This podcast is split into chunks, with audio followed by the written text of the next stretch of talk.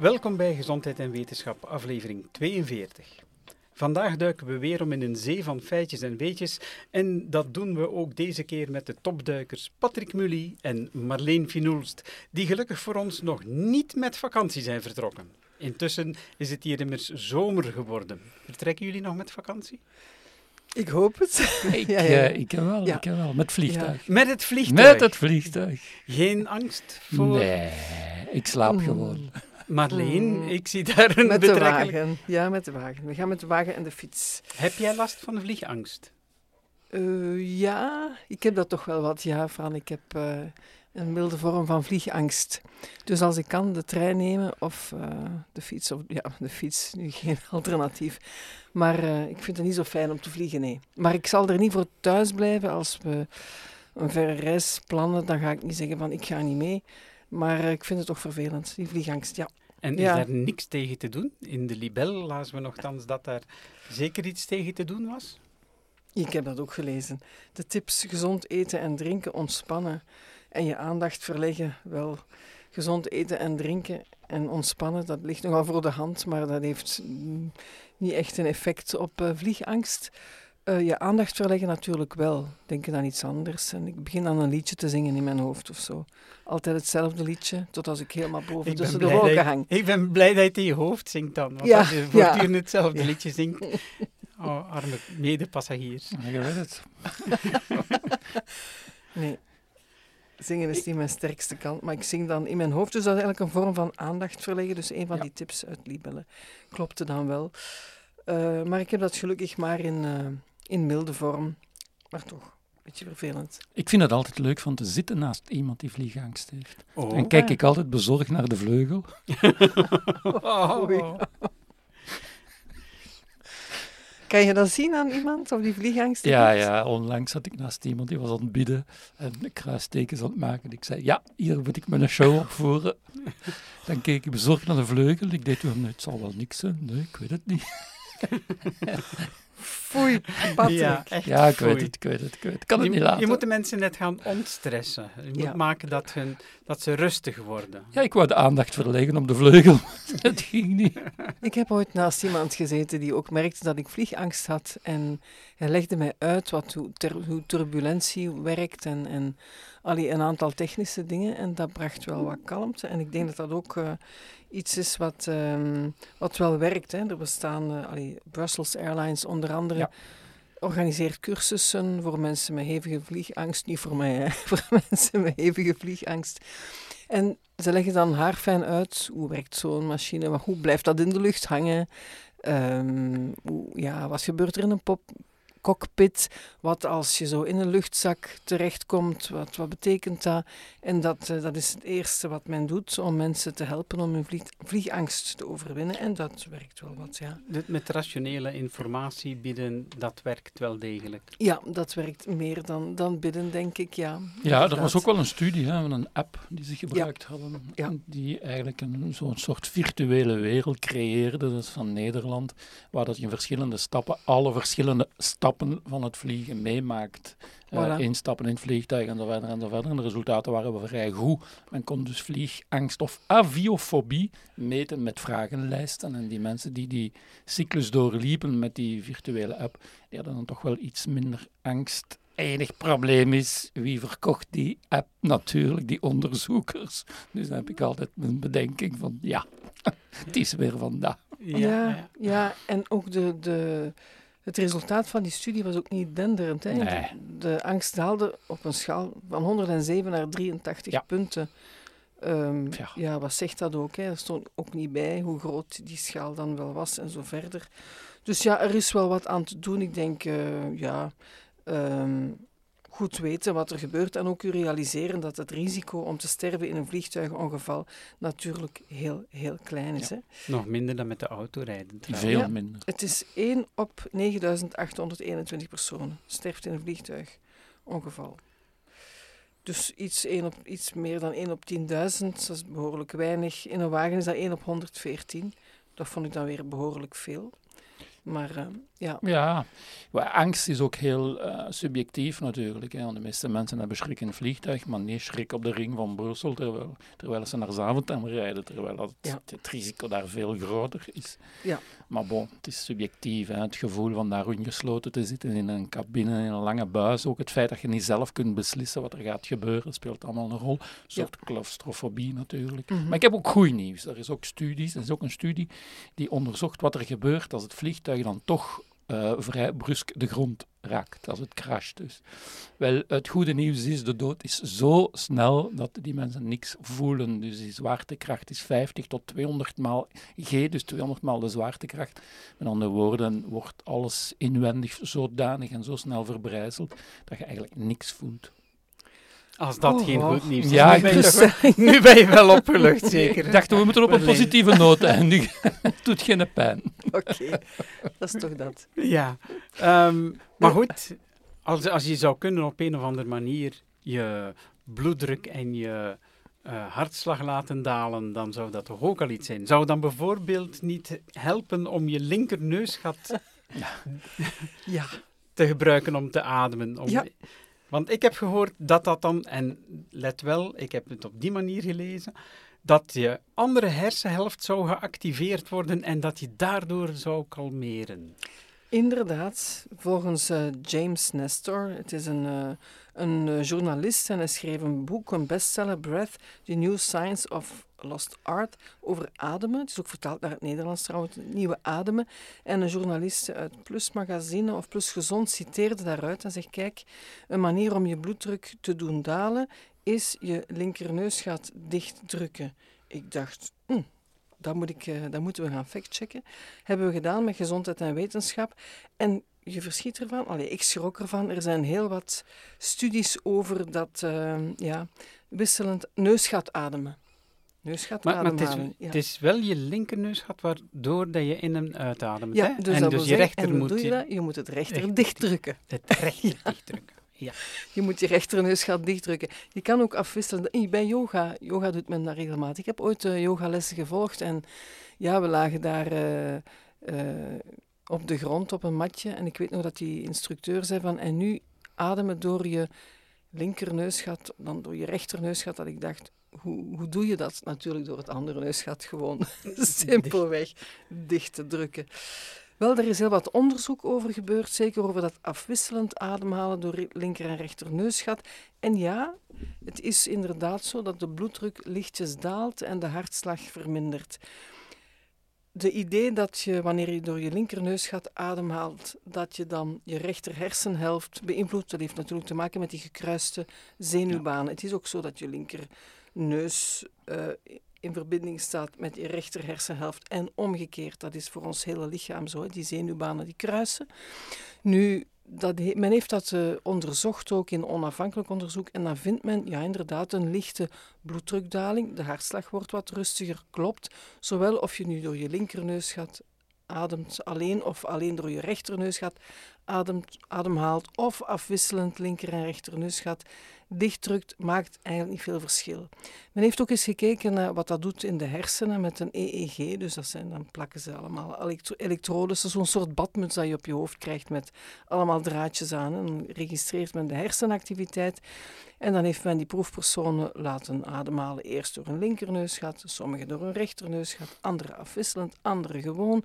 En wat blijkt, eigenlijk daalt de bloeddruk altijd een beetje. Waarom? Omdat je natuurlijk focust op je ademhaling en omdat je ontspant. Probeer maar eens iets te doen terwijl je je rechterneusgat dichtdrukt. Dat gaat niet, hè? Je, kan, je bent vanzelf in een ontspannen toestand en dat eigenlijk daardoor. Dat is de vraag die ik mij stelde. En komt het door het dicht uh, houden van het neusgat of door het feit dat je rustiger en kalmer gaat ademen? En daardoor een kalmerend effect heb. Uh, ja. ja, het is eigenlijk een manier om te focussen op de ademhaling ja. en dan ja. is het goed. En dan ontspan je. En dan... Wat je moet vermijden is beide neusgaten dicht Maar dus is het wel iets wat je kunt doen om je vliegangst tegen te gaan. Ik zie je al zitten met je vingers tegen je neus. En een, en een liedje in mijn hoofd. En een liedje in je hoofd. Helemaal perfect.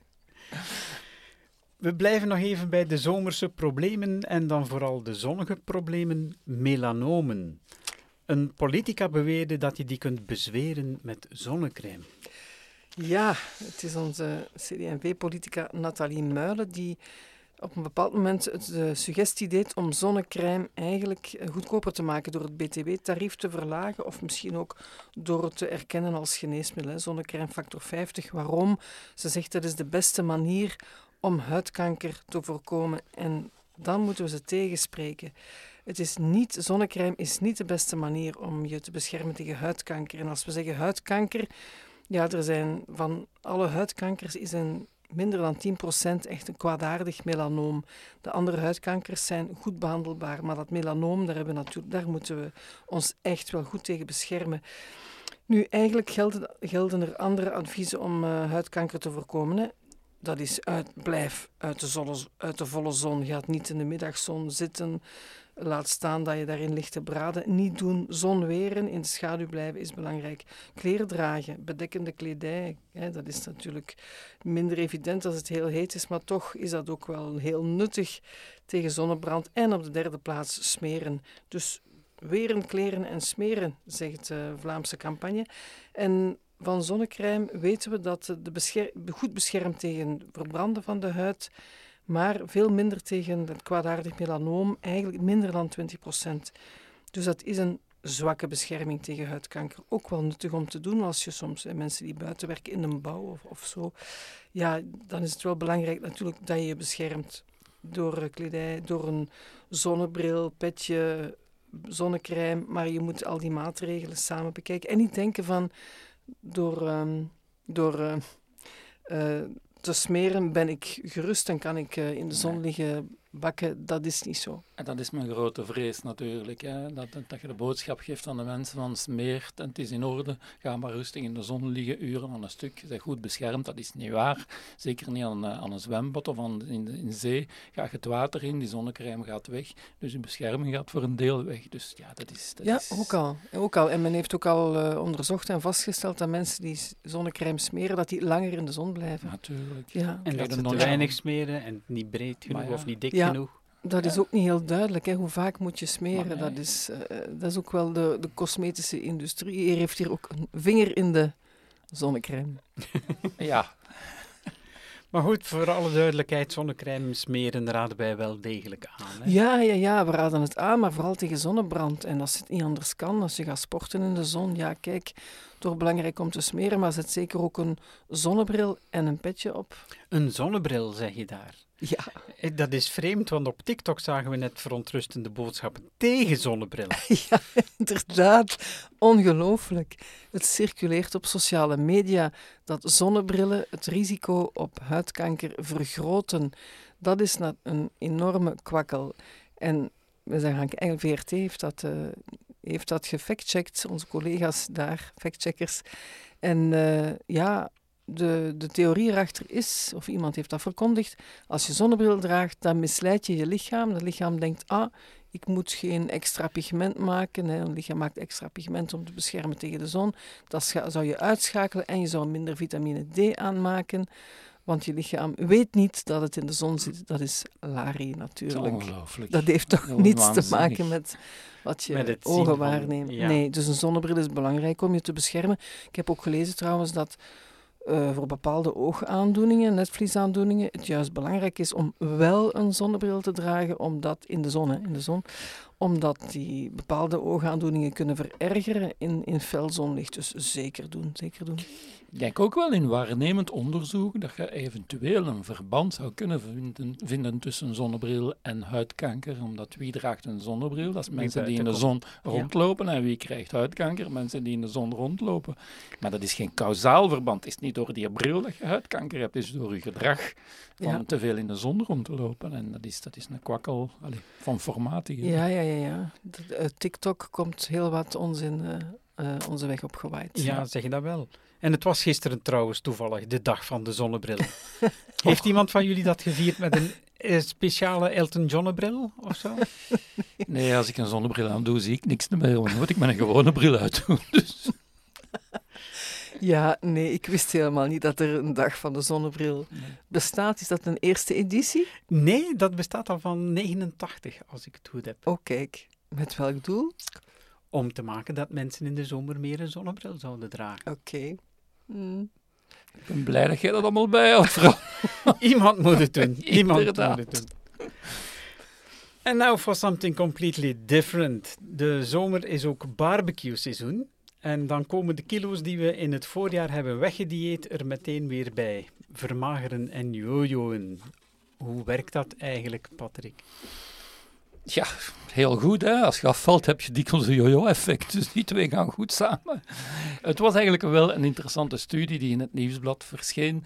En wat had men daar gedaan? Het was eigenlijk slim gezien. Hè? Via een zonde rechtstreeks in de maag had men gezonde mensen genomen en mensen met obesitas. Men had die gevoed en dan de hersenactiviteit nagegaan. En wat had men gezien na het voeden? Is er toch wel minder dopamine in de hersenen. Dus minder beloningshormoon, als ik het zo mag uitdrukken, Marleen.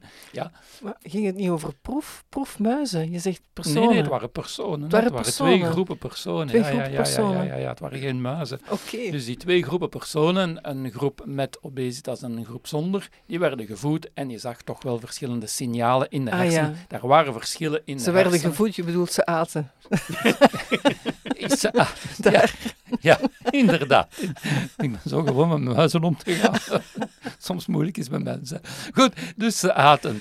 Ehm, maar via zonden, hè, om eigenlijk van die Ah, ja. kaakbewegingen te vermijden op de hersenen en de invloed op de hersenen. Maar wat ze dan die gedaan hebben, is zeer interessant. Dat is dat die proefpersonen, beide groepen verloren 10% van hun lichaamsgewicht met een dieet.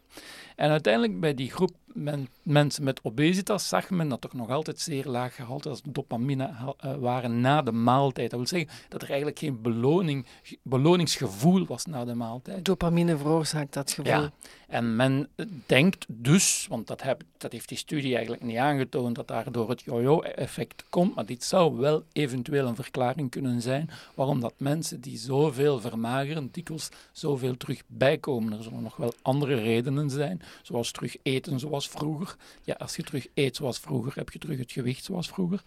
Maar andere studies tonen toch ook wel aan dat iemand een ex obese persoon die een normaal gewicht heeft, die moet leren leven met een lager verzadigingsgevoel, dus met meer honger. Dus obesitas heeft toch een impact op uw lichaam dat blijvend is. En vandaar mensen, Via het preventie, brein. preventie, preventie, via het brein. Maar het brein alleen natuurlijk niet, verklaart niet alles, maar dat zal wel een rol spelen, dat beloningssysteem natuurlijk. Dus- Dus op zoek naar beloning blijven mensen die dan veel Ja. vermagerd zijn meer eten, omdat ze niet dat verzadigd, Ja. aangenaam gevoel hebben van, haha, dit heeft Een soort frustratie, gedaan. een frustrerend gevoel van eh, ik voel mij niet goed aan de maaltijd, dus ik blijf eten. Dus het, is, het is echt wel degelijk een frustratiegevoel? Of is het, ik ben aan het eten en ik voel niet dat ik genoeg heb? Wel, het is een soort frustratiegevoel in de zin van dat uw dopamine in uw hersenen niet zou stijgen. Dus je krijgt geen beloon- beloning na het eten.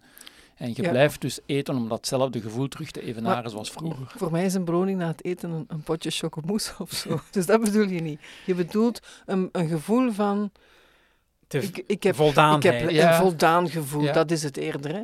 Als, als, die, als je die andere studie leest, zie je dat die mensen minder verzadiging hebben, zelfs na een bepaalde maaltijd. Eenzelfde maaltijd voor mensen die niet vermagerd zijn en mensen die vermagerd zijn. Na dezelfde hoeveelheid Ja. hebben die eerste, heeft die eerste Ja. groep nog altijd een gebrek aan verzadiging, nog altijd een zekere honger. Die moeten leren leven met minder verzadiging, Ja. meer honger. Dat En is op niet evident. termijn is dat dus een moeten ze eigenlijk van tafel met honger. Je kunt ze van tafel sturen met honger, maar dat zal natuurlijk niet evident zijn, omdat dat een serieuze gedragsverandering is. En ja, obesitas heeft een impact en vandaar dat ik blijf strijden eh, tegen obesitas bij kinderen, want eigenlijk het is niet gewoon dat kind zal er wel uitgroeien bij de puberteit, nee, dat laat sporen na, die misschien de rest van het leven eh, gevolgen kunnen hebben. Oké. Het is erg. Het is zeker. Nu, om, zijn- u, om u een idee te geven, je moet duizenden of honderden mensen toch gaan behandelen eh, met een overwicht of obesitas om nog ene te hebben na een paar jaar die op gewicht blijft. Dus al de rest komt bij. En vandaar dus dat die terugbetaling van eh, dieetconsultaties dan toch wel eh, onder druk zit, omdat op lang termijn heb je een yo-yo-effect. Dus eigenlijk heb je ergens geld weggesmeten in veel gevallen, want als de kilo's terug bij. Vandaar dat succesproduct Ozempic en Ja. nu het eh, orale, de orale vorm, de pilletjes die eraan komen. Hè? Je hebt gezien, de beurzen gaan Vlieg, ja, de farmabedrijven die, die met die producten bezig zijn, ja, die hebben misschien wel iets gevonden wat toch wel een belangrijke hulp kan zijn Ik geloof over ja. obesitas. Ik denk het ook, en we gaan er zeker hier op terugkomen, van zodra dat hier op de markt is, gaan we daarover schrijven. Dus die pil, ja, en die, die werkt uiteindelijk ook, geeft een verzadigingsgevoel. hè? Dat is eigenlijk wat die pillen doet. Hè? Dat is, Dat is- inderdaad wat die pil doet. En je moet natuurlijk blijven nemen. Maar ja, type 2 diabetes, hetzelfde probleem. Je moet ook blijven die pillen nemen of die inspuitingen nemen. Ja, ja. En ik ben heel blij dat je nu eigenlijk niet meer moet kiezen tussen een dieet of eh, bariatrische chirurgie, dus je maag laten verkleinen. En nu is er eigenlijk toch een, tussen, een middenweg. Ja. Met die pil heb ik toch wel hoop dat we toch op de goede weg zitten om die mensen te helpen. Op lang termijn, op kort termijn is het gemakkelijk. Na twee weken verliest iedereen gewicht. Ja. Maar op lang termijn is toch wel hulp Ja, en het komt eraan. En de vraag is er al eh, bij huisartsen. Ik heb het al gehoord van eh, men vraagt al van, Ja. kunnen we ze al krijgen? Dus eh, het komt eraan. Ja, het zal een ware revolutie zijn, hoop ik. Hopen wij echt het vlak wel. van overgewicht en obesitas. Mhm. En intussen toch altijd aan die mensen duidelijk maken dat ze ook moeten wegblijven van de dikmakertjes. Maar ik denk dat we vooral ook moeten werken op twee gebieden. Hè. Enerzijds die pil, dat is heel tof, maar we moeten ook onze omgeving veranderen. We zitten Ja. wat ik noem een obesogene omgeving. Dat is een omgeving die stimuleert om te consumeren, consumeer, Ja. eet, drink, drink. En zolang we daar niet aan werken, ideaal, een ideale wereld is die pil plus een niet-obesogene wereld waar gezonde producten goedkoper zijn en ongezonde producten veel duurder. Ja. En dan geef je duidelijk signaal. Dat is ook wat het Vlaams Instituut Gezond Leven al een Ja. tijdje promoot van voor die eh, suiker- en vettax in Ja. en taxen op frisdrank, maak dat hoog genoeg en subsidieer groente en fruit. En men ziet in studies uit het buitenland dat daar obesitas afneemt dankzij die maatregelen. Het zal een totale aanpak zijn en je kunt slagen, je kunt deze oorlog winnen, maar dan moet je de middelen gaan gebruiken om een oorlog te winnen. Alle middelen die je beschikbaar Ja. hebt. Alcohol is ook zo'n dikmakertje. Dat, dat, dat zou dus op de flessen moeten zetten, denk ik. Maar in eh, Ierland willen ze er iets heel anders gaan opzetten. Niet waar, Patrick? Och, het is weer al zo'n verhaal van etiketten. Men gaat het oplossen met etiketten. En toen we denken in een tijd gingen we obesitas oplossen met brochures, kleurenbrochures, vierkleurenbrochures. Hier gaan we alle problemen van alcohol oplossen met etiketten. Gewoon een etiket op de fles. Alcohol is schadelijk voor de gezondheid. Alcohol kan kanker geven. Pas op met alcohol. Het is levensgevaarlijk vanaf één glas. Het is zelfs een risico. Iemand zei in de standaard 20 juni dat het risico te vergelijken is met tabak. En dat deed natuurlijk bij mij een alarmbel gaan, omdat dit eigenlijk helemaal niet correct is. Het is een feit dat uw risico op, al op, op kanker bij zware drinker- drinkers stijgt met 28%, om u een idee te geven. Terwijl met tabak stijgt het risico op bijvoorbeeld longkanker met 2200%. Je kan 28% toch niet gaan vergelijken met 2200%. Dus daar was ik wel woedend voor. Nu, die maatregel in Ierland, voor mij is dat wel een leuke anekdote, maar ik denk niet dat dat veel gaat opbrengen. Die kerel die daar alle dagen vijf, zes whiskies drinkt, die ligt niet wakker van die etiketten, voor zover dat hem die nog kan zien, na vijf, zes whiskies. Dus ik denk dat dat gewoon een slag in het water is en dat er vooral mensen zijn die weinig drinken, die zullen misschien eens beïnvloed worden, maar mensen die echt probleemgevallen, echt daar waar kanker ontstaat door alcohol, door dagelijks veel te drinken, ja, die worden niet tegengehouden door een etiketten nog. Ja, heb je daar geen spreekwoord voor in, in het eh, Engels? Barking the wrong tree. Barking Dus je- up the wrong tree. Ja, Ja. barking, barking up the wrong tree. Mensen die, die eigenlijk maar matige drinkers zijn of lichte drinkers, die gaan afgeschrikt worden door Ja. zo'n etiket en, en durven niet meer genieten van, van een glas. Maar, en degene die, de veeldrinkers, overmatige drinkers, die liggen daar niet wakker van. Dus het is toch, en ook het is veel te ongenuanceerd. Het is, Ja. eh, het is een foute, manier ook- van aanpak. Ja, ook weer al hier, hier eh, is men bezig met, met details, met iets dat eigenlijk toch waarschijnlijk niet het voorkomen van kanker zal beïnvloeden. En men vergeet het totaalplaatje, het belangrijkste voor mij dan nog altijd obesitas. De weinige middelen die we hebben, zouden beter daar massaal gaan insteken. En eh, alcohol, ja, daar kun je iets aan doen, maar dan moet je eigenlijk voor die mensen gaan zorgen die zwaar problemen hebben, die beter opvangen, beter begeleiden, psychologen, psychiaters en zo verder.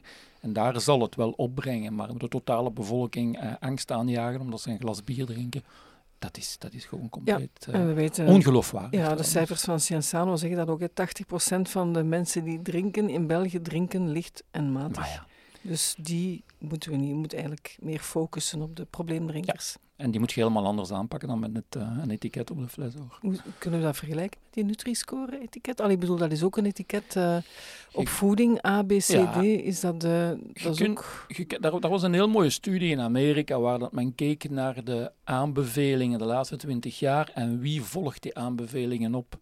En dat vond ik eigenlijk tof gedaan. Dat is een studie die weinig gekend is en dat was geen groot tijdschrift, maar dat was tof gedaan, want uiteindelijk een, een grote groep mensen werd gedurende 20 jaar gevolgd. Om de twee jaar keek men naar hun eetgewoonte. En men keek dan naar de invloed van campagnes op die eetgewoonte. En wie volgt die campagnes? Ja, dat zijn mensen die al gezond eten. Ik zal het zo ja. samenvatten. Ja. Hij of zij die goed bezig is, die is zo nog een beetje beter bezig. En hij of zij die niet goed bezig is, die ligt, ligt helemaal niet wakker van uw campagne. Een kwestie van interesse. Die vergelijking met roken wordt wel vaker gemaakt. Hè?